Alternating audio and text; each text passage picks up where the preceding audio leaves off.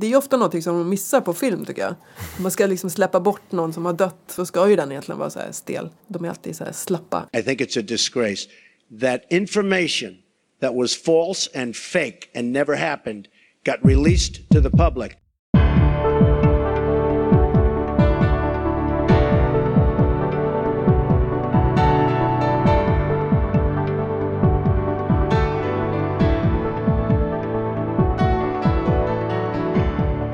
Välkomna till podden Sjuka fakta.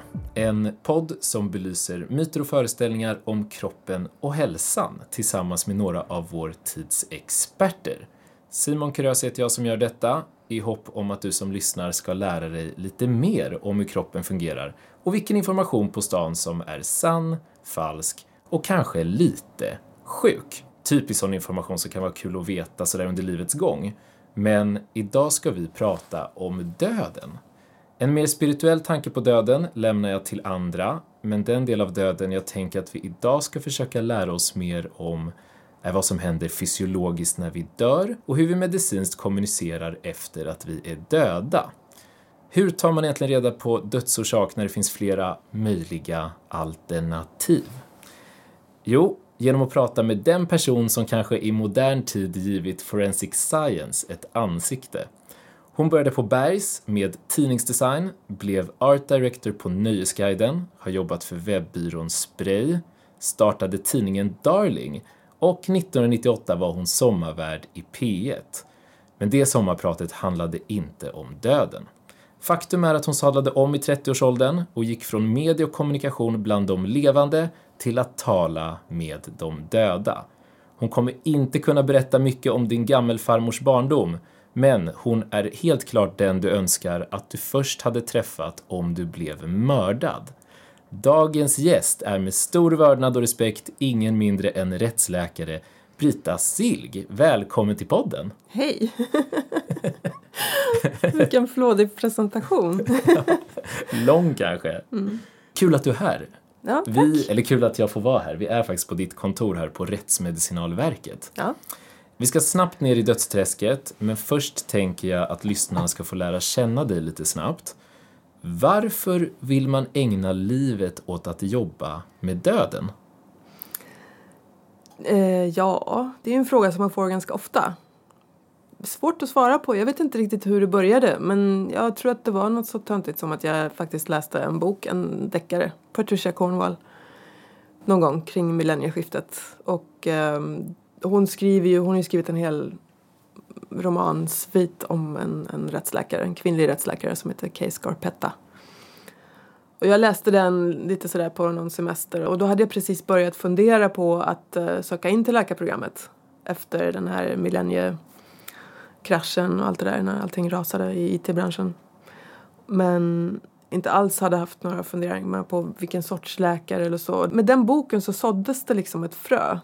Att jaha, kan man göra sånt här också? Rättsläkare? Jag visste inte ens att det fanns som ett yrke, knappt alltså. Man hade ju en väldigt så här, vag uppfattning. Det här var ju också före CSI och alla de tv-serierna som har kommit sen på 00-talet. Så um, ja, jag läste den och tänkte ja men det kanske vore något sådär. Och sen så har det liksom under hela läkarutbildningen har det varit ett intressant område har jag tyckt. Jag tyckte både kursen var väldigt spännande. Jag gjorde mitt vetenskapliga arbete på läkarprogrammet på, här på rättsmedicin och började sen doktorera redan under läkarutbildningen. Så det var liksom så det började. Och eh, det var väl ungefär lite som jag trodde att det är ju den absolut roligaste läkarspecialiteten. Jag kan inte förstå hur man kan välja något annat. Det är ett intressant arbete, man lägger det här pusslet, det, det är aldrig tråkigt. Det, ja. Ja, det här är ju väldigt fascinerande tycker jag också som läkare. För att du nämner det här med 00-talets serier, CSI mm. bland annat. Hur fungerar det här eh, mer konkret? För du jobbar ju med att reda ut onaturliga dödsfall. Mm. Eller dödsorsaker kanske man ska säga. Ja. Eller hur, ska man, hur beskriver man det? det är... Ja men dödsfall, vi gör ju dödsfallsutredningar. Så det är inte bara obduktionerna utan obduktionen är ju bara en del av den här dödsfallsutredningen. Men onaturliga dödsfall är det ju inte många som vet vad det är. Många tror att vi bara utreder misstänkta mord eller där något brott har begångits. Så det behöver det ju inte vara utan onaturligt är helt enkelt det dödsfall som inte beror på sjukdom. Alltså olyckor, självmord och mord. Det är de tre onaturliga sätten att dö på. Och olycksfall är ju såklart inte bara trafikolyckor. Det kan ju vara förgiftningar, det kan vara drunkningar, eldolyckor, fall, någon har ramlat och slagit ihjäl sig. Det finns ju väldigt många olika sätt att dö olycksdöden på också. Och sen självmorden är ju ganska många fortfarande i Sverige så de ska ju också utredas. Kruxet är att man ofta inte vet om det är ett onaturligt dödsfall förrän man har undersökt kroppen utan det är helt enkelt ett misstänkt onaturligt dödsfall. Alltså är det en oväntad död, alltså är det en relativt ung person som har dött plötsligt och oväntat, man har ingen svår sjukdom som kan förklara det här dödsfallet, då hamnar man i regel på rättsmedicin och blir undersökt där. Okej. Okay. För att vi ska få lite mer verklighetsbaserad bild av det här, då vet vi att det är olyckor, självmord och mord. Mm. Så jag vet inte om det är, om det är så lätt att måla upp det. Mm. Men hur ser en dag på jobbet ut? En typisk mm. dag? Ja, men en typisk dag. Eh, antingen så står man på obduktion eller inte. En vanlig genomsnittsrättsläkare kanske står på obduktionssalen två dagar i veckan. Och eh, är det en sån obduktionsdag då kommer man till jobbet på morgonen och sen så kanske man bränner av två, tre obduktioner på en förmiddag. Och det kan vara, ja, men som sagt, självmord det... eller olycksfall eller, eller naturlig död kan det ju också visa sig att det var. Men man visste ju inte förrän man hade undersökt kroppen. Och eh, en vanlig obduktion där det inte är något konstigt. Ja, men vi har ju då våra mm, assistenter. De som förut hette obduktionstekniker, numera heter de rättsmedicinska assistenter. Det är ju de som som hjälper oss, som tar in kroppen från bårhuset upp till obduktion och de lägger kroppen på obduktionsbordet och sen så när vi har tittat på kroppen så klär de av kroppen kläderna och sen kommer rättsläkaren och gör först en yttre undersökning. Då går man runt och tittar på kroppen och dikterar samtidigt. Tittar, man beskriver väldigt mycket. Man beskriver hårlängden, hårfärgen, man beskriver tändernas skick, man beskriver hur ögonen ser ut och om det är någonting som avviker. Finns det blåmärken, finns det hudavskrapningar, finns det något annat konstigt på kroppen. Man beskriver hela kroppen från topp till tå. Och sen när det är klart, då öppnar assistenten kroppen.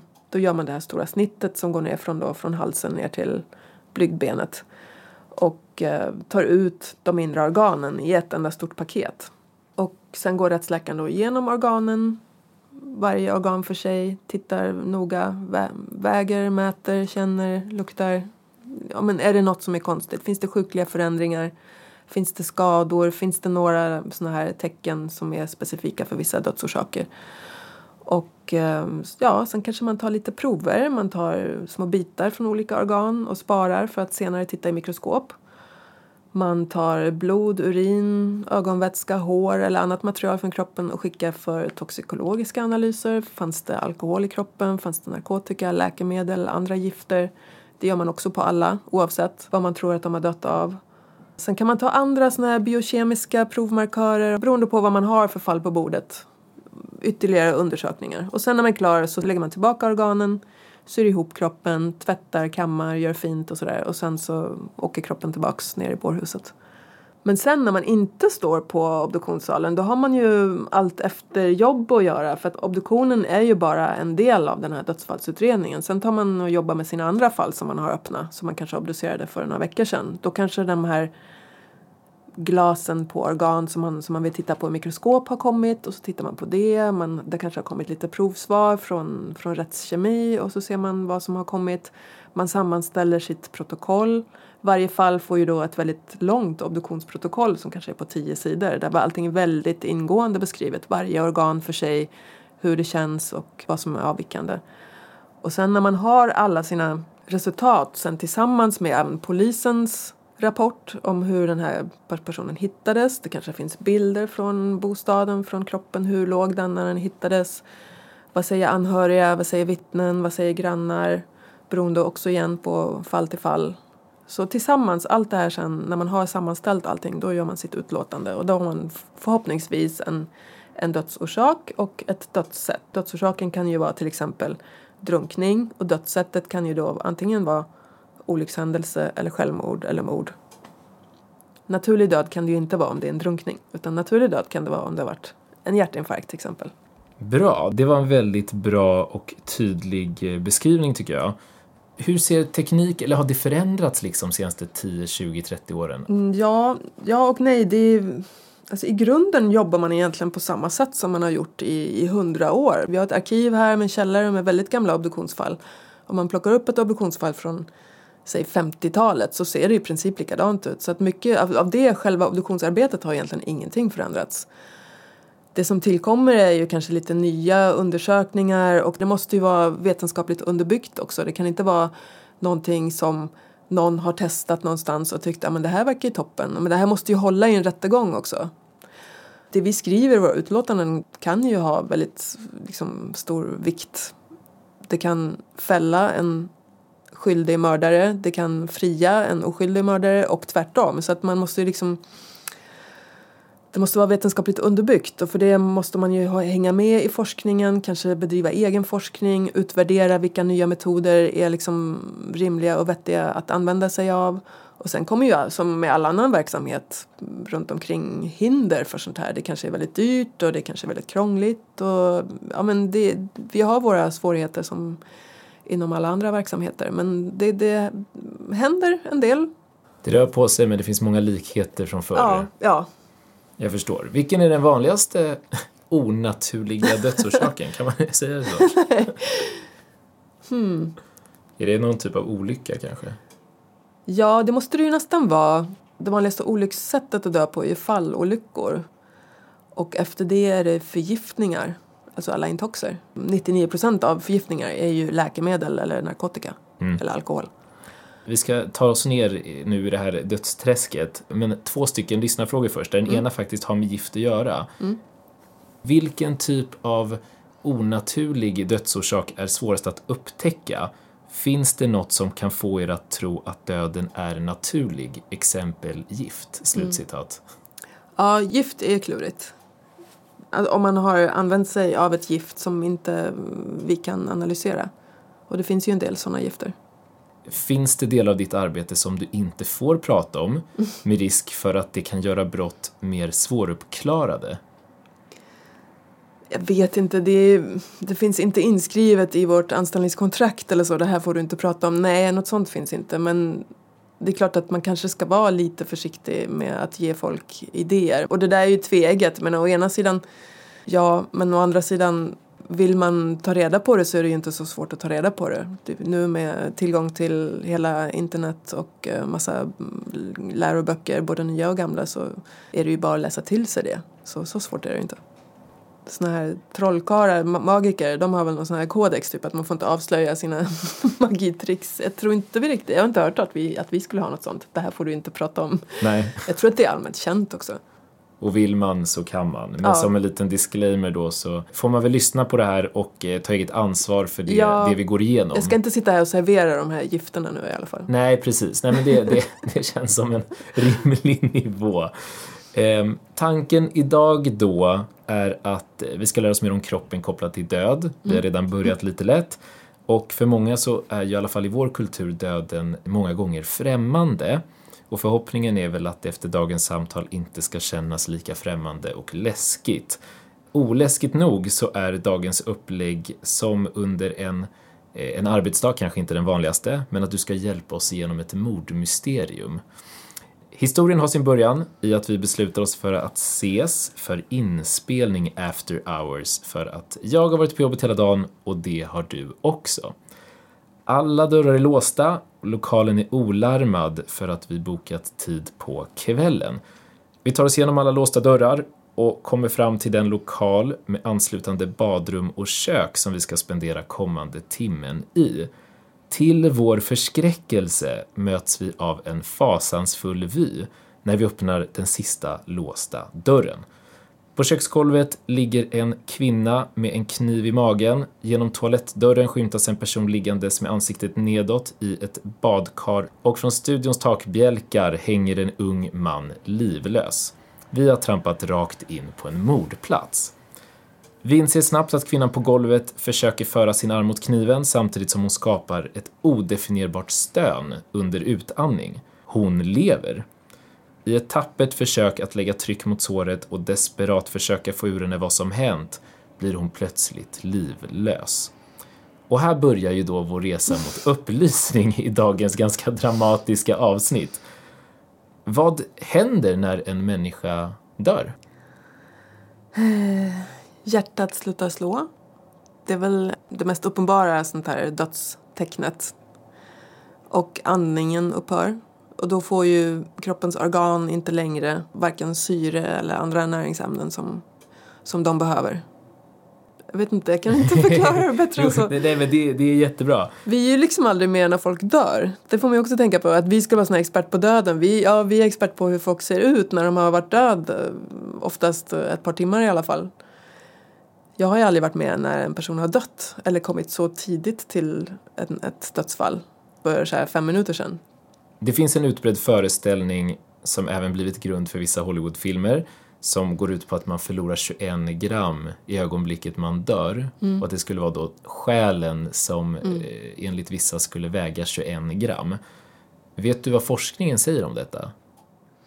Ja, jag kollade upp det någon gång och det där kommer från en jättegammal studie från 1900, början 1900-talet någon gång. Där det var en person som faktiskt gjorde just det här experimentet. Men det håller ju inte vid en vetenskaplig granskning riktigt. Han, vad han gjorde var att han tog, jag kommer inte ihåg, sex eller sju kroppar på något sånt här sanatorium där det låg svårt sjuka människor där som man förväntade sig skulle dö när som helst. Så att han tog dem och satte dem på en våg med säng och allt och vägde då precis före och efter döden. Och det var bara ett av de här fallen där den blev 21 gram lättare efter döden, men inte de andra. Där var det helt plötsligt, ah, men det blev fel på vågen och de vägde lika mycket och en vägde mindre, en vägde mer. Så att det var väldigt, och man, det är ett klassiskt fall av cherry picking från när man gör alltså dåligt studieupplägg. Att man, man valde bara den här ena positiva studieresultatet och eh, då råkade det vara 21 gram. Och det är många som har ifrågasatt det där. Några till och med försökte göra om den här studien och lyckades inte. Det är ju svårt att få till en sån studie. Att uh, vara på plats exakt när någon dör och få både den här personen och sängen på en våg. Och, nej, jag tror inte man har lyckats riktigt. Hur vet man att de här såren i magen inte är ett eh, självmordsförsök eller ett lyckat självmord utan att någon annan har orsakat dem? Mm. Alltså om man ju hittar några med, de har båda stickskador i buken. Då kan det ju faktiskt lika gärna vara ett självmord. Det är ju inte heller ovanligt. Och det första man tittar där på platsen det är ju kanske alltså den hela skadebilden. Finns det bara ett stick i magen eller finns det flera stick? Finns det avvärjningsskador? Finns det en massa skador på, på handflatorna eller på underarmarna så här, som så att man har försökt ta bort kniven eller försökt skydda sig och hållit upp armarna. Och så. Det är ju väldigt vanligt vid eh, offer för knivvåld att de har avvärjningsskador på händerna eller på underarmarna. Men det vid ett självmord kanske det är vanligt att man har lite så här provsnitt. Man kanske har börjat och försökt skära sig i handlederna för att det har man ju sett på film. Funkar inte så bra, det är massa scener i vägen och sen så kanske man sticker in kniven i bröstet istället så. Så att den samlade skadebilden kan ju också lite mm, ge någon hint om ifall det var ett självmord eller ett mord. För du, du berättar ni inte alltid med precis i dödsögonblicket. Vi ska alldeles strax gå vidare i historien. Men när ni kommer in så brukar ni ju kunna fastställa hur länge någon kanske har varit död baserat på hur kroppen förändras över tid. Hur, hur fungerar det? Är det? Finns det olika tecken då på... Det finns olika tecken och det finns olika metoder beroende på vilket skede man kommer in i. Det första man alltid tar till är kroppstemperaturen. För kroppen kallnar ju. Kroppen har 37 grader när den är vid liv och sen så när den dör så ja, finns ju inte längre den här energiomsättningen som gör att man bibehåller kroppstemperaturen utan den sjunker ju då till samma temperatur som rumsluften runt omkring. Så att är det väldigt kallt ute så går det ju snabbare och är man rumstemperatur så går det enligt ett visst sätt. Det är väl det vi nästan det första vi gör på en brottsplats att efter man har tittat på kroppen så mäter vi kroppstemperaturen och den mäter vi i ändtarmen med en specialtermometer. Måste ha liksom innertemperaturen.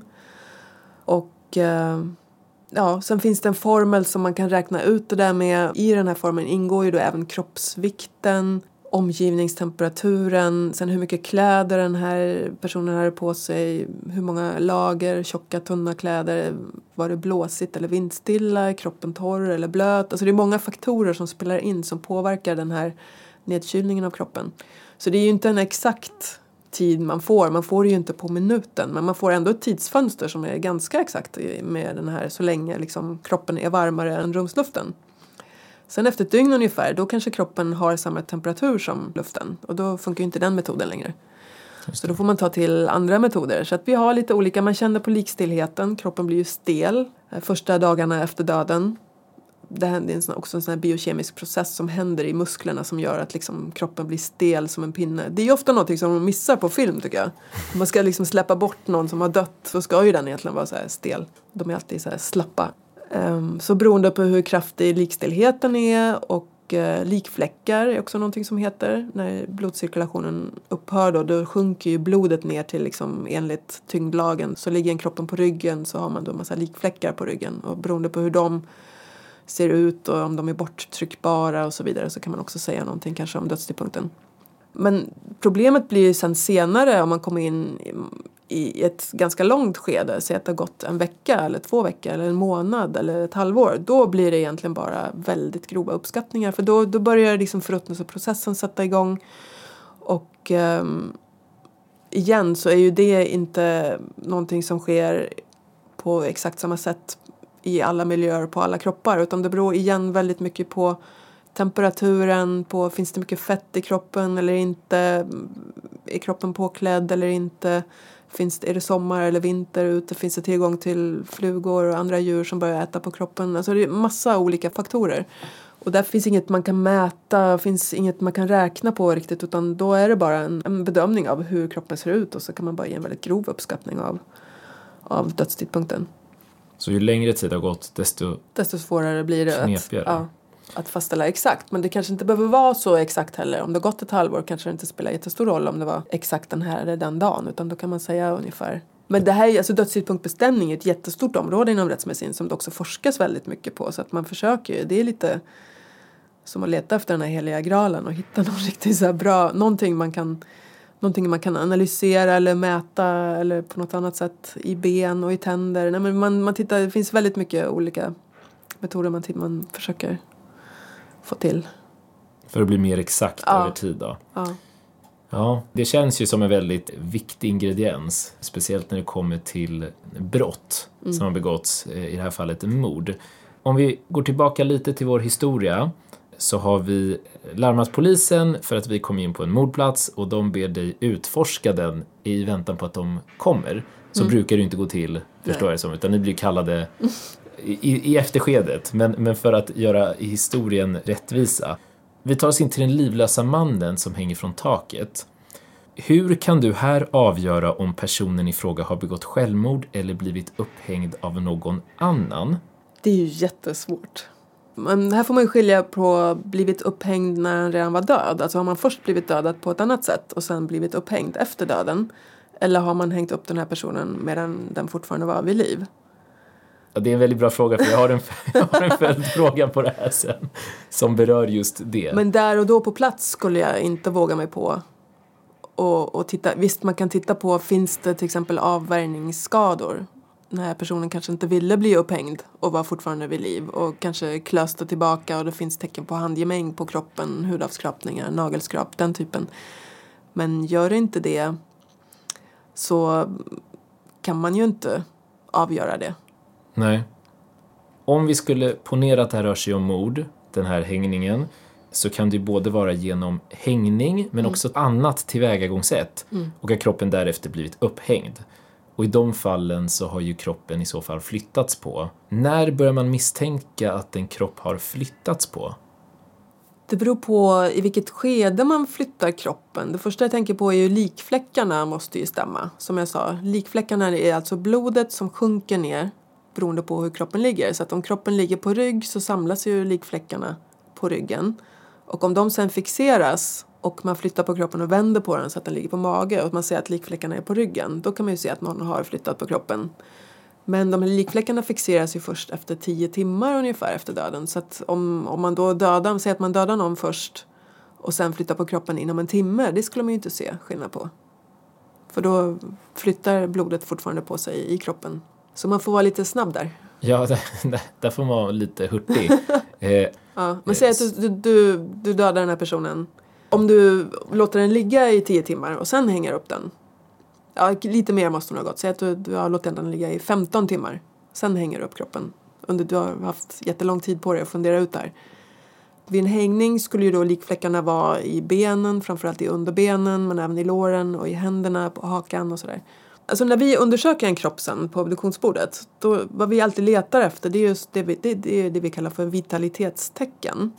Man har hittat den här kroppen hängd. Det här är en misstänkt hängning. Vi letar efter vitalitetstecken för just hängning för att bekräfta det här.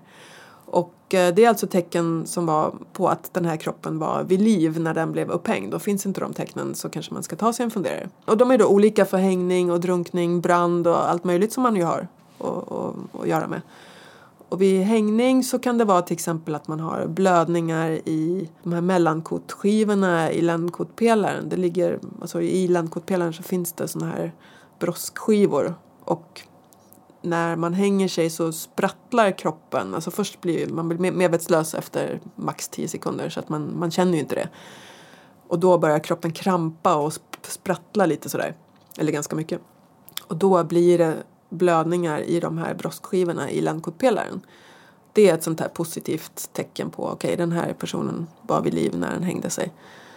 Man tittar även på musklerna som fäster i nyckelbenet, om det finns blödningar där. Man kan titta i blodkärlen i halsen, om de har blivit lite sådär utdragna. Det kan finnas bristningar i dem. Man tittar på den här snörfåran, den här runt halsen. Om man tar bort snaran sen så ser man ett djupt märke på halsen då efter snaran, det vi kallar för snörfåra. Och den tittar man ju på också, att det finns en vital reaktion där. Det kanske finns lite rött runt omkring, lite hudavskrapningar, en liksom akut inflammatorisk reaktion kring det där som man ju inte skulle få om man hänger upp en död kropp. Så, så, så där jobbar vi, att vi letar efter de här tecknen. Och såklart, stämmer likfläckarna? Finns det något annat väldigt suspekt? Sen kanske toxen dyker upp, alltså när vi letar efter läkemedel och då kanske det plötsligt är jättehöga halter av ett sömnmedel. Då kanske man också hajar till kan man ens vara kapabel med den här dosen sömnmedel och fortfarande gå och hänga sig? Eller har man blivit drogad? Har någon gett sömnmedel till den här personen och sen hängt upp den? Då var den ju vid liv, kanske medvetslös, men då får man ju ändå de här vitalitetstecknena. Men om det är så högt att man faktiskt är helt inkapabel att hänga sig i det här tillståndet, då ska man ju också haja till. Och alltid när vi hittar så här konstiga saker vid obduktionen, det är då vi ringer polisen. Polisen får ju vårt svar såklart, men är det något sånt här väldigt konstigt så ringer vi dem och, och diskuterar det här. Så lite så jobbar vi. Man ska ju också komma ihåg att hänga upp någon annan, det är ju svårt. Alltså en människa är tung. Så det kanske faktiskt krävs två personer minst att hänga upp i alla fall en levande person men även hänga upp en död person tror inte jag är jättelätt om man inte får hjälp. Så det, det ska ju vara rimligt också. Å andra sidan är det ju så här, hängning är ju så himla vanligt. Det är ju det vanligaste självmordssättet. Så jag vet inte hur många hängningar vi har per år, ja men flera hundra. Och att i varje hängning liksom gå och misstänka mord, det, det håller ju inte heller. Man kan inte vara superparanoid liksom i varje enskilt fall utan det här varierar ju från från dag till dag, från läkare till läkare och ja, beroende på omständigheter. Men ja. det är svårt. Det är, det är inte så lätt alltid. Nej, mycket att tänka på. Ja. Och inte tillhörande de flestas vardag heller. Så det är intressant att man får en liten inblick. Mm. Ehm, stämmer det att man kan få erektion om man hänger sig? Ehm, ja, det stämmer. Och även utlösning. Och vad, vad är det för något i kroppen som händer då? Det händer ju inte varje gång utan det är någonting som man har observerat som har dykt upp eh, ibland just när man tittar på filmade hängningar, avrättningar och den typen. Jag tror inte man riktigt vet mekanismen men det är en kombination av att man stryper blodtillflödet då i halsen och då samlas det massa blod i, i underkroppen och samtidigt som man kanske stimulerar vagusreflexen som ju är ansvarig för sexuella händelser. Samtidigt som man ju får en syrebrist i hjärnan och det är ju en erotisk stimulans på något sätt. Folk håller ju på med sånt, sån här autoerotisk asfyxi och så vidare, håller på strypsex och sånt. Det är ju inte en slump att man gör det så att vissa kan då få en erektion i, just det ögonblicket. Det är sant, kanske inte för alla. Men Nej, det händer inte varje gång. Men Nej. jag tror kanske i några enstaka fall absolut händer det. Mm. Vi lämnar den upphängde mannen och rör oss eh, försiktigt in mot badrummet. Eh, draperiet ligger på golvet och det löper blodiga handavtryck längs kaklet och badkarskanten. Vattnet är mörkrött och där framför oss ligger en kvinna i 50-årsåldern med ansiktet mot botten medan håret flyter på ytan som en krans runt hennes livlösa huvud. Jag bara reagerar på att det måste vara väldigt långt badkar om man ska kunna ligga på mage. Eller ligga hon dubbelvikt tänker du? Jaha, du tänker så. Nej, vi får säga att det är ett stort badkar Okej. kanske. Större sån här Men, eh, bubbelbadkar. ja, men historia. kanske. Ja. Eh, Det får fantasin eh, bestämma hos den som lyssnar. Men när hon vänds upp så ser du att hon har liknande sår i magen som kvinnan i köket, Mm. alltså knivhugg. Och då är min fråga här hur man fastställer dödsorsaken drunkning kontra att ha förblött. Den här frågan kom egentligen av att ni måste ju också hamna i situationer där ni har en person som utsatts för olika typer av våld eller kanske flera slag mot ett huvud och man vet inte vad var det dödande slaget. Hur fungerar det resonemanget? Svårt att säga något generellt på det. Men i, just det här fallet, hur ser man skillnad på om hon har blött ihjäl av sina stickskador eller drunknat? Det, det kan man ju inte heller göra på plats. Det är ju omöjligt. När man är på en brottsplats som i det här fallet då kan man bara göra en väldigt översiktlig bedömning och man kanske faktiskt mest ägnar sig åt dödstidpunktbestämningen. Men själva dödsorsaken, då måste ju kroppen ligga på obduktionsbordet och man måste göra en ordentlig, noggrann undersökning. Och hur ser man då att eh, någon har blött ihjäl? Ja, man tittar ju på stickskadorna, man ser på vilka organ eh, som är skadade. Är det ens något livshotande? Du säger i magen. Det, det kanske inte man dör av av att bli stocken i magen överhuvudtaget. Sticker man liksom bara hål på tarmarna så är ju inte det dödligt direkt. Men man kanske har gått in och gjort en stor skada på levern. Det kanske man kan blöda ihjäl av men inte så jättesnabbt heller. Men däremot har sticket liksom gått in i hjärtat så dör man ju ganska omgående. Så beroende på hur de här stickskadorna ser ut. Och sen får man då väga emot, okej kroppen har legat i vattnet, har hon då drunknat? Då letar man ju igen efter de här drunkningstecknena. Då tittar man på lungorna såklart. Man brukar få ett lungödem, alltså så här skum som kommer ut ur munnen. Finns det vatten i bihålorna, alltså tecken på att man har andats in vatten? Finns det vatten i magsäcken som tecken på att man har svalt vatten? För då är man ju också vid liv, man sväljer vatten så att det kommer in i magsäcken. Det är ju inte någonting som bara rinner in av sig självt för det är ju stängt där annars om man inte sväljer. Och sen kan det ju vara en kombination av dödsorsaker. Det är ju, just i badkar är det ju väldigt vanligt med just ja, men klassiker som Whitney Houston till exempel. Att man har tagit sömnmedel eller lugnande medel och lagt sig i badkaret och kanske blivit lite väl påverkad av de här, sovit väldigt djupt, till och med kanske varit medvetslös och sen glidit in med huvudet under vattnet och sen drunknat. Så att man hade ju inte drunknat om man hade inte tagit de här läkemedlen. Hade man tagit samma dos av de här läkemedlen man legat i sängen så hade man antagligen överlevt. Men i att man låg i badkaret nu så drunknade man. Men hade man inte tagit de här tabletterna så hade man ju inte drunknat. Så att det här blir ju svårt att säga, var dödsorsaken drunkning eller intox? Utan det ena har ju lett till det andra. Så att ibland kan man ju ha så här bland dödsorsaker också. Det är ju inte alltid svart eller vitt. Nej, jag hoppar förbi ordningen för den, för det var en lyssnarfråga. Om man teoretiskt kan dränka sig nyktert i ett badkar. Ehm, jag skulle säga nej. Jag tror inte man har den viljan riktigt. Man kan ju absolut dränka sig. Det händer ju folk att går ut i, i sjöar och hoppar i, från, men, i havet och i stora vatten där man kan sjunka ner till botten på ett annat sätt. Man kanske har med sig vikter till och med och sådär men det behövs inte alltid. Men i ett badkar, nej.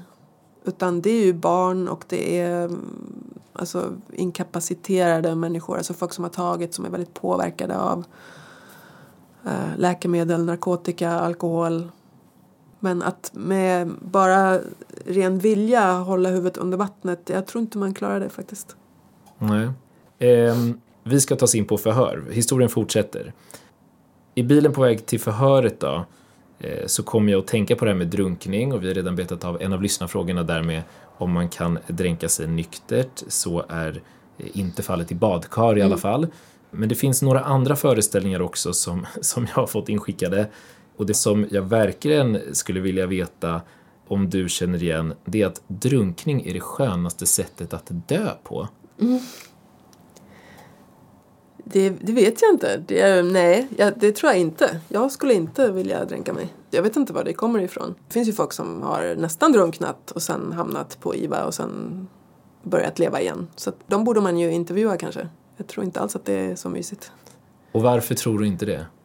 Nej men det är väl samma som att kvävas. Att, att man, alla har väl någon gång fått en, lite så här, någon smula i halsen eller något sånt där. Och, alltså den paniken man får av att inte få luft. Alltså, jag kan inte tänka mig något värre. Jag tror att det är jätte, jätte obehagligt att både drunkna och kvävas. Däremot inte hängas för det går så fort. Hängning är inte en kvävningsdöd. Det är ju man stryper till blodtillförseln till hjärnan. Så det går ju väldigt fort. Döds... Det här kanske vi måste klippa bort. ja, nej, nej, nej, ja, nej, nej, men det här, är- nej, det här tycker jag är bra radio.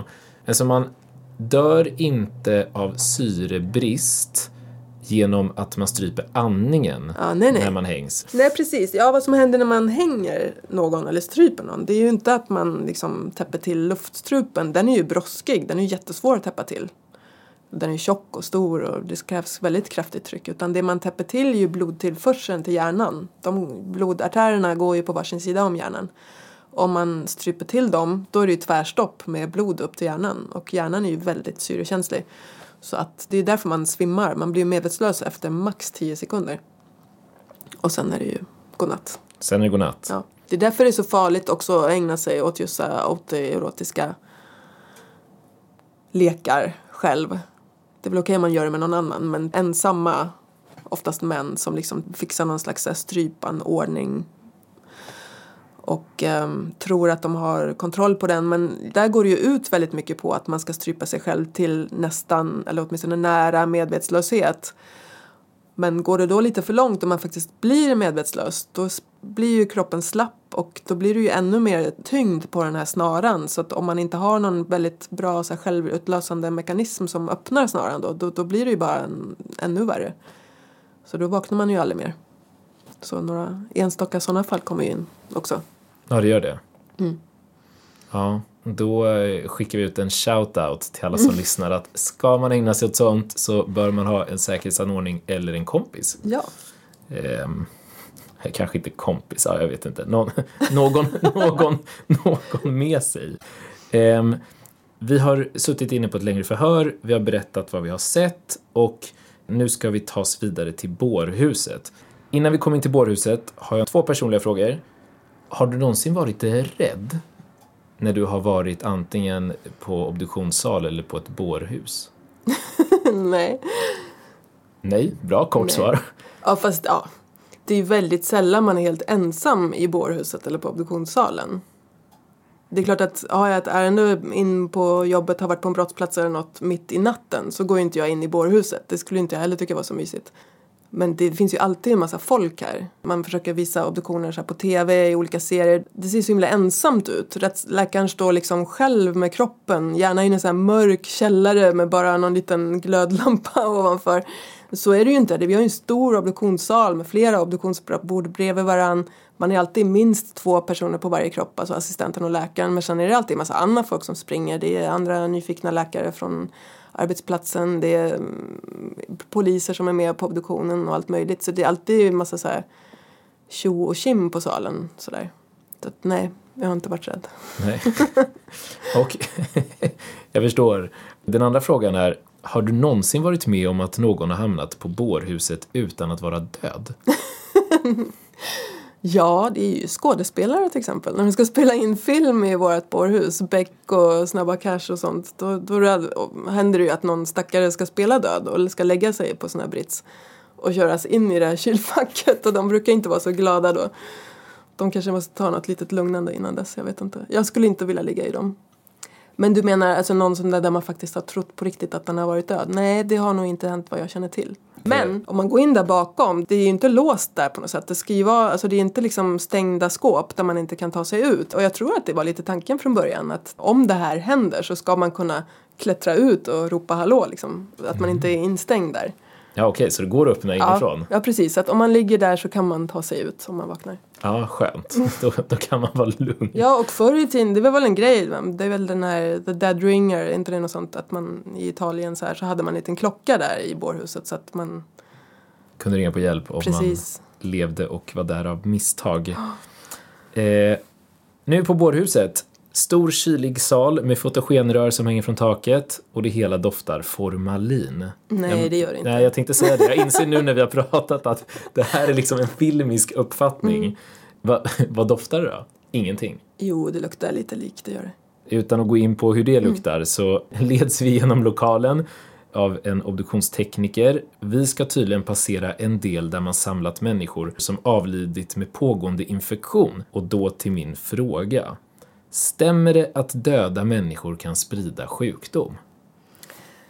Eh, ja, det, det kan de ju göra. Det vi mest är rädda för är ju TBC. Det är väl det enda som är riktigt känt att det smittar efter döden. Sen finns det vissa andra sådär. Visst blodsmitta kan man väl få, hepatit och, och eh, nu med covid vet vi ju inte riktigt. Jag tror ju inte att det smittar. Mm, de här döda andas ju inte, nyser inte, de sprider ju inte i och med att covid ju är ändå, det är ju inte luftburet. Men samtidigt vet vi ju inte, visst jag tror inte de smittar av att bara man tittar på dem i bårhuset men sen väl uppe på obduktion och man kanske spolar lungorna och skär in i dem och klämmer på dem att det visst kan utsöndras någonting där som man andas in så det vet vi inte så att nu för tiden har vi ju sån här andningsmask på oss när vi, när vi jobbar i den här tråkiga pandemin. Mm. Men i övrigt så det mesta, de flesta sådana här bakterier och virus de kräver ju en levande kropp på 37 grader för att kunna överleva. Utan det som växer till efter döden är helt andra sorters bakterier. Som, som ska bryta ner kroppen och hjälpa till med det. Och de är ju inte sjukdomsframkallande. Så att det kan man ju också säga generellt att ju mer rutten en kropp är desto mindre smittsam är den ju. Mm. För att det finns ju en föreställning och jag vet inte om jag vet inte hur gammal den är och jag vet inte riktigt var den kommer ifrån men att Döda människor som begravts utan kista skulle kunna infektera och sprida sjukdom till grundvattnet. Ja, men så kan det nog vara. Om det är den kolera till exempel. Om man har just när man inte har möjlighet att rena vattnet. Alltså om man gräver ner dem och de här bakterierna skulle hamna i grundvattnet och man bara har en brunn precis för det. Nu vet inte jag hur sådana här saker funkar egentligen. Men det händer ju inte i vårt samhälle idag när vårt vatten kom, går ju via ett reningsverk och ja, renas ju där. Så mm. det, den risken är noll. Utan det är ju om man gräver ner en smittad kropp kanske på sin tomt och det är väl därför man inte ska göra det heller antar jag. Det är ju olagligt. Och då förorena det lokala grundvattnet, det kan nog hända. Ja, det är olagligt att gräva ner en kropp. Ja. Man får inte ens sprida askan var som helst. Och det är av den anledningen? Ja, jag antar det. Aha. Jag hade ingen aning. Ja, kanske också att man inte vill ha döda kroppar lite här som... Nej, det är, så kan det ju verkligen vara. Att det inte ska, ska inte vara, man ska ha lite koll på var de finns. Jaha. Sen vet jag inte hur mycket kistan skyddar egentligen. Det vet jag inte. Det beror på vad det är för kista. Just det. Många gånger så bryts ju den också ner. Ja, den ska ju. Det är ju bra den. om den också bryts ner. Mm. Så den kanske inte skyddar mm. alls. Nej, fascinerande.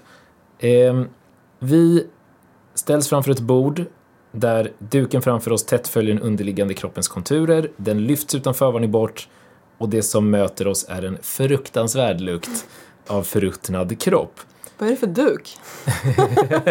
Också TV, TV-baserad. Nej, vi har inga dukar på kropparna i vanliga fall. Ni brukar inte täcka dem? Nej. Nej. Är, men alla är ju så vana kanske, så ja. det, det gör ingen skillnad. Huden i den här historien är läderfärgad, håret och naglarna långa och likmaskar skymtas i ett sår i magen. Och jag är nog lika äcklad som jag är chockad. Innan vi går vidare med varför vi står framför en kropp som inte tillhör någon av de tre vi hittade i studion, stämmer det att hår och naglar fortsätter växa efter att man har dött? Nej. Det, går, alltså det är ju en jätteenergikrävande process att producera hår och naglar. Det, det är helt omöjligt. Och det kommer säkert ifrån att det ser lite, det kan, kanske ser lite ut så ibland att efter döden så torkar fingertopparna ihop lite och drar sig tillbaka och då kanske det ser ut som att naglarna blir lite längre och lite samma med skäggstubben kanske att den skjuts ut lite. Det blir ju också, varje skäggstrå har ju också någon sån här lik, en liten muskel och den kanske blir stel. Jag vet inte. Det, men nej, det är en myt. Det är myt. Visuellt kanske det uppfattas så, men det stämmer inte. Nej. Nej. Okej. Okay. Däremot lossnar ju naglarna sen. Om det har gått tillräckligt långt. Ja, då lossnar de från, sina, från sitt fäste? Ja, de lossnar hela huden. Man kan ju bara dra av hela överhuden med naglar som en vante. Fy. Nej. Hur långt efter brukar det? Ja men då har det väl gått en månad i alla fall. Men det är ju inte ovanligt. Vi har, alltså, speciellt i Stockholm är ju det ett problem. Det finns väldigt många ensamma personer som dör blir liggande och hittas inte. Så det är, vi har ju varje vecka några sådana fall som har legat kanske några veckor, månader, år i sina lägenheter utan att ha blivit hittade. Det är ju jättesorgligt. Det är väldigt sorgligt och det är en helt orimligt vältajmad cue. För du var inne på det här med att det påbörjas en förruttnelse med hjälp Mm. av bakterier. Och min fråga är hur det fungerar med att en kropp börjar lukta efter att döden inträffat. När börjar det lukta? Hur länge luktar det? Och varför börjar det lukta? Ja, nej, jag har svårt att säga. Kanske ett par dagar i alla fall. Man får ju tänka sig kroppen som, ja men det är ju kött, en köttbit, en stek som man har. Det är ju en muskel från ett djur oftast. Och ehm, om den köttbiten ligger i ett kylskåp då är ju den fräsch och fin kanske några veckor till och med. Ja, kanske inte veckor men eh, absolut en vecka så skulle man ju fortfarande äta den utan problem. Samma köttbit ligger i rumstemperatur i två dagar. Då kan man ju tänka sig att det är ju inte trevligt. Det börjar surra flugor och det börjar lukta och det blir lite, ja, lite skämt sådär. Och det är ju precis samma sak. Alltså kroppen är ju bara kött egentligen. Och massa annat, annat guck såklart. Så um, men man får skilja lite där på autolys också, alltså det som är kroppens egen nedbrytning. Så att cellerna bryter ju ner sig själva. Cellväggarna går sönder och vätska börjar läcka ut. Alla har hört talas om att kroppen består till 70% av vatten. Ja, men var är allt det här vattnet då? Ja, det är inne i cellerna. Så att när, när de cellväggarna går sönder så läcker det här vattnet ut. Så att det, det blir som väldigt blött. Huden börjar lossna och det blir så här blåsor på huden. Um, hemoglobinet i blodet omvandlas av bakterier till sulfhemoglobin som har en grön färg. Så att det börjar med en sån här grön hudmissfärgning som man får på magen. Och du börjar på magen för att där finns ju tarmar, tjocktarmen och i, där finns ju bajs och i bajset finns jättemycket bakterier. Så där börjar det ju. Så att förutom alltså kroppens egen autolys så hjälper ju då även bakterier till både inne i kroppen och bakterier utifrån och alla möjliga svampar och mikroorganismer liksom sätter igång. Det är deras jobb att bryta ner kroppen. Så den här gröna hudmissfärgningen som börjar på magen, kanske dag två, tre sådär, sprider sig sen över hela kroppsytan. Så att efter ja, fyra, fem, sex dagar så, så, så, så blir kroppen liksom helt grön. Och det är också något som man alltid missar på film för att de, de blir alltid blåa efter döden men blåa blir de inte, de blir gröna. De blir gröna. Ja. Och sen så bildar ju de här bakterierna också gaser så att det blir så här, ja, uppsvällning. Kroppen sväller upp både i ansiktet och i magen, pungen, tarmarna. Så att det, den blir liksom nästan som en ballong till slut. Och sen så när det går ännu längre tid så torkar ju kroppen. Då börjar den här, all den här vätskan dunsta bort och då krymper ju kroppen ihop istället och det blir mer som en mumie, alltså mumifierad är ju ett begrepp och då blir liksom huden väldigt hård och som läder och brun.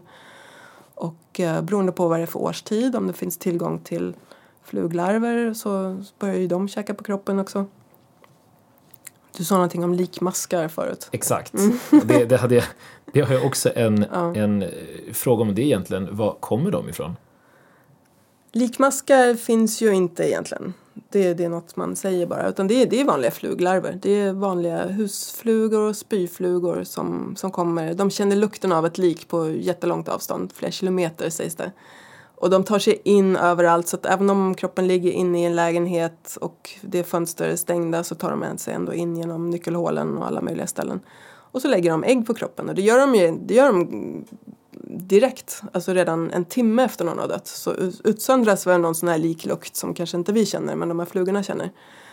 De tar sig in och börjar lägga ägg så att det är också något av det första man kan se Speciellt då om en kropp ligger ute förstås. Att bara efter någon timme så, så är det fullt med flugägg i ögonen.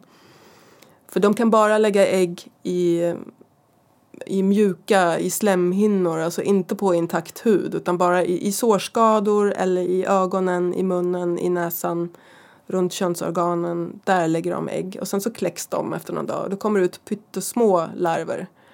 Och de käkar ju sen och de utsöndrar ju också enzymer som också ytterligare hjälper till att bryta ner kroppen. Så att om det är lokalt väldigt mycket fluglarver så kan det vara jätteruttet i precis det området men helt intakt på andra ställen på kroppen.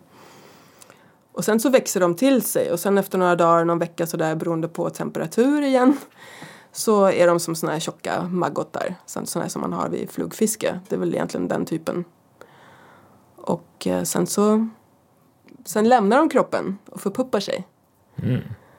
Och eh, Då så har de gjort sitt. Precis. Och då blir det nya flugor och blir det nya ägg och då går det runt sådär. Men det Ja. kan man också hjälpa till, använda sig till döds, i dödstidpunktbestämning. För att om man har fluglarver på en kropp då kan man skicka dem till Sveriges rättsentomolog som finns i Uppsala. Anders Lindström. Och han kan då artbestämma den här larven och säga hur gammal den är och så kollar han med SMHI vad det varit för temperaturer och eh, kan säga ja men den här fluglarven är tio dagar gammal.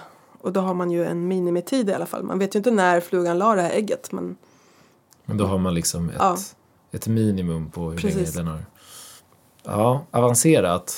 Många inblandade. Uppsala också. precis. Eh, Mossexperter har vi också. Tänk om man hittat kranium i skogen. Då då- blir det ju jättesvårt med dödstidpunktbestämning också. Då kan man kanske har växt mossa på kraniet och då kan man ta in en mossexpert som kan säga att den här laven har växt i 20 år. Oh, man kan till och med titta i, i bihålorna och göra pollenanalyser och se vad, vad finns det för pollen i den här bihålan. Och då får man ju kanske inte ett år men man får en årstid, en månad. Den här personen dog i maj månad för då blommade de här. man förstår ju var de får alla idéer ifrån också till de här serierna. Och en annan cool grej, det var faktiskt en av vå- våra medarbetare här på Rättsmedicin som har disputerat på det här. Man kan titta på tänder. Om man hittar ett kranium i skogen, eller, eller ett huvud för den delen, men man har tänder och ehm, göra isotopanalyser utifrån att på 50-60-talet gjorde man ju väldigt mycket så här atombombssprängningar på jorden och då hamnade den här isotopen i atmosfären. Den är ofarlig, det är inget radioaktivt eller så utan ja, men den fanns i väldigt kraftigt förhöjd mängd just under de här åren. Och då hamnade ju den i, i växterna tog upp det, människor äter växter, människor äter djur som har ätit växter så det här lagras liksom in i vår kropp och tänderna bildas ju. Tänderna är det enda i vår kropp som har, består av samma celler från den tiden de, de, de, de bildades. Ja, förutom äggceller kanske också. Men i alla fall, alla andra celler omsätts ju, även ben och så här, nybildas ju hela tiden. Men i tanden gör det inte det. Så att man kan ta den här tanden, analysera den här halten av den här isotopen och säga att den här tanden bildades år 1968. Och då kan man ju räkna, okej, och när fick man den här mm, vuxentanden, när får man dem i så här 7-8 års åldern eller någonting. Så, och då kan man få ett ganska exakt dödsdatum bara utifrån den här, nej inte dödsdatum förlåt, födelsedatum Födelsedatum. bara utifrån den här tandanalysen. Det är ju rätt häftigt. Så det funkar inte på någon som är född på 40-talet då, innan Nej, de här. exakt. Men är man född efter efteråt. 50-talet så funkar det väldigt bra. Det är ofta vissa husbränder, det får vi också in. Ibland bara en, en påse ben från en bus, husbrand. Och så ska man lägga pussel, ja men hur många ben är det? Hur många... Tänk om man hittar två höger pekfingerben, då måste det ju ha varit två personer. Ibland har det varit en hund med i huset också. Då har man så hundben och människoben blandat. Så att det, det som är väldigt beständigt är ju ändå tänderna. Ibland kan det vara att det finns bara små kolbitar men tänderna är hela. Mm, väldigt fascinerande där. eh, vi eh, är alldeles strax klara med vår lilla historia här. Kroppen vi står framför är en ung man som också hittades i ett badkar flytandes på mage med flera sår i buken. Ja, men man kan inte ligga på mage i badkaret. Varför inte då? Men så stora badkar har väl ingen?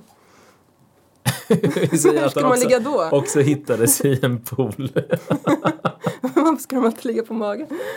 Nej, jag vet inte. Det var bara för historiens skull. De kan ligga på rygg. Alltså det är jättemånga som dör i badkaret men de ligger ju De ligger på rygg. oftast, ja. Ja, men då ska, rätt ska vara rätt. Man kanske sitter i badkaret och sen så när man dör så sjunker man ner eller så har man varit medvetslös och sjunkit ner. Så att, ligger man med huvudet under vattnet men man ligger inte på mage.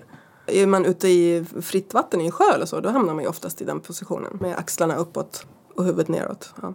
Men inte i nog därifrån- badkaret. Nej, inte i badkaret. väldigt, väldigt stort badkar.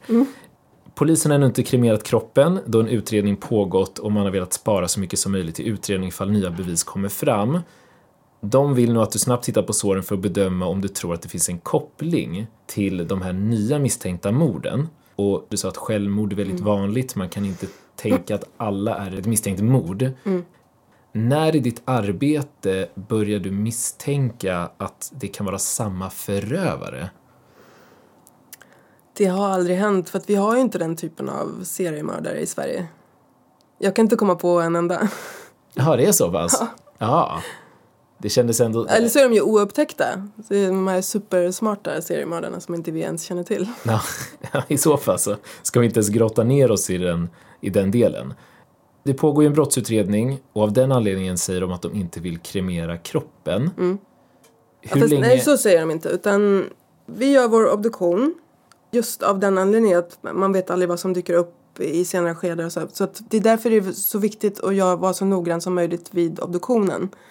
Och liksom ta höjd för alla möjliga saker som man tar tillräckligt mycket med prover, man tar tillräckligt mycket med fotografier, man gör undersökningen så noggrant som möjligt just för att man ska slippa göra om saker i senare skeden och sånt där. För att man vet ju att anhöriga vill ju begrava kroppen det blir ju sämre, man vill ju inte spara kroppen. Du vet ned, nedbrytningen fortsätter ju även i vårt bårhus. Även, det är ju kallt i bårhuset då, så att det avstannar ju. Men igen med den här köttbiten och kylen. Har den här köttbiten legat två månader i kylen så vill man inte äta den heller. Så um, det ska inte behövas egentligen. I nästan alla fall så säger vi efter obduktionen, vi skriver ju på vårt, vi, vi måste säga till, kroppen får lämnas ut eller inte. Och det gör vi ju nästan alltid och då kan kroppen hämtas av begravningsbyrån. Sen om de vill kremera eller begrava den hel, det är ju upp till anhöriga. Det är ingenting som vi eller polisen lägger oss i. Däremot så kan det finnas enstaka fall där vi säger nej men kroppen får inte lämnas ut. Den ska, den ska vi behålla, antingen vi själva eller från polisen om de tycker det. Men det är nästan alltid när kroppen är oidentifierad fortfarande. För att man får inte begrava en kropp som är inte identifierad. Det finns ju ingen som vill begrava den heller. Det finns inga anhöriga. Ehm, det kan vara att ja, men av någon, i något konstigt ärende någon gång så kan det väl hända att nej, men vi, vi avvaktar, vi sparar kroppen för att vi väntar på något, något mer information eller något sånt där. Och har det hänt någon gång att man har begravt en kropp Mm. och sen har det kommit fram någonting som gör att ni vill titta på kroppen igen? Finns det ens ett sånt fall beskrivet? Mm, det enda jag känner till i Sverige det är ju det här Johanna Möller-fallet. Hon, är, hon blev dömd för att ha lejt någon att ha ihjäl sin pappa och nästan sin mamma, eller om det var tvärtom. I den vevan blev hon ju även misstänkt för, för mord av sin för detta make som ju dog i en drunkningsolycka några år tidigare. Och då grävde man upp den kroppen för att ta ytterligare prover. Det är det enda fallet jag känner till. Okej, så det kan ändå ske? Ja, absolut. Ja. Vi lämnar bårhuset. Tycker du att världen har blivit en läskigare plats i och med att du har börjat jobba med, med rättsmedicin? Nej, egentligen inte. Jag tänker för du bytte från art Ja. director liksom. Inte läskigare, men kanske lite... Lite sorgligare kanske. Alltså inte att folk dör, men sättet som många lever på.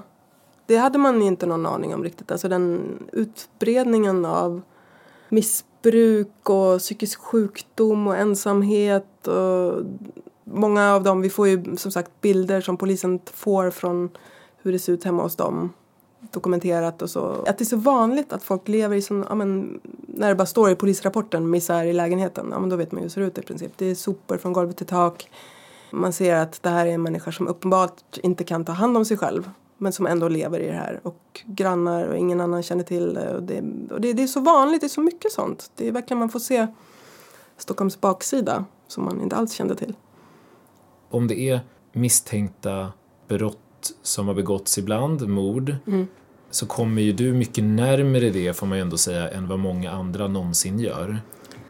Det känns aldrig som att du på något sätt skulle vara i fara eller att du på något sätt är rädd för att själv Nej, hamna- snarare tvärtom. För att för, förut så hade man ju den här bilden av mord var ju den bilden man kanske hade mycket från ja, men, tv-serier och böcker, deckare och sånt där. Och, och den typen av mord, alltså om man nu tänker sig ett, men, klassiskt, ett kvinnligt offer sexmördas på ett bestialiskt sätt av en för henne okänd gärningsman. Okej, de händer ju men de är väldigt, väldigt ovanliga.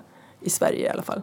Utan de här vanliga morden, alla de här gängskjutningar och fyllebråken och sånt där. Det, det känns ju, ja men det här kommer ju inte hända mig, tänker man ju alltid. Så att man, man har ju fått en lite mer liksom verklig bild av hur det ser ut och, och det känns inte liksom så här applicerbart på just mig. Däremot så har man kanske blivit mer rädd om sina barn och så, att vad de kan råka ut för. Om du hade fått välja en teknik för att underlätta ditt jobb och uppklaringsprocesser, vad hade det varit? Nej, alltså gud, jag kan inte komma på någon sån enskild. Du har det mesta. Nej, nej, nej, men det är precis det jag jobbar nu med det här, i det här nya utvecklingscentrumet. Hur kan vi förbättra vår diagnostik och gå igenom befintlig forskning, kanske till och med initiera ny egen forskning. Jag forskar ju också själv. Så det är klart att man vill ju alltid liksom hitta nya metoder för att kunna bättre påvisa exakt dödsorsak. Och... Men jag kan inte komma på någon sån här enskild grej. Nej. Avslutande fråga innan vi avrundar dagens eh, smått makabra avsnitt. Du har ju väldigt stor inblick i hur utredning av onaturliga dödsfall går till och vad ni letar efter när ett misstänkt mord har begåtts. Skulle du i teorin kunna begå det perfekta mordet? Ja, lätt. Lätt. Eh, nu så jag hade hemskt gärna hört hela beskrivningen, men av säkerhetsskäl så får den informationen förbli en hemlighet för dagens avsnitt i alla fall. Brita, stort tack för att du kom hit. Eh, eller för att jag fick komma hit. Och tack för att du har hjälpt mig och lyssnarna inte bara reda ut det här med badkar ligga på mage utan, mm.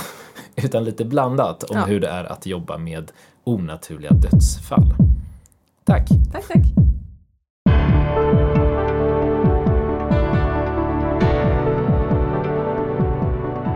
Tack för att du har lyssnat på Sjuka fakta och samtalet med rättsläkare Brita Silg om livet efter döden. Säsongen börjar närma sig slutet och det näst sista avsnittet för säsongen hör du härnäst då vi ska ta oss an svett med Sveriges främsta svettexpert, Dr. Karl Svartling. Det kan inte nog betonas hur mycket vi uppskattar ert stöd. Tack för att ni stöttar podden och tack för att ni sprider ordet. Vill du engagera dig i produktionen eller har du förslag på ämnen eller gäster till kommande säsonger? Tveka då inte att höra av dig till kontakt sjukafakta.se eller via vårt Instagramkonto sjukafaktapodcast.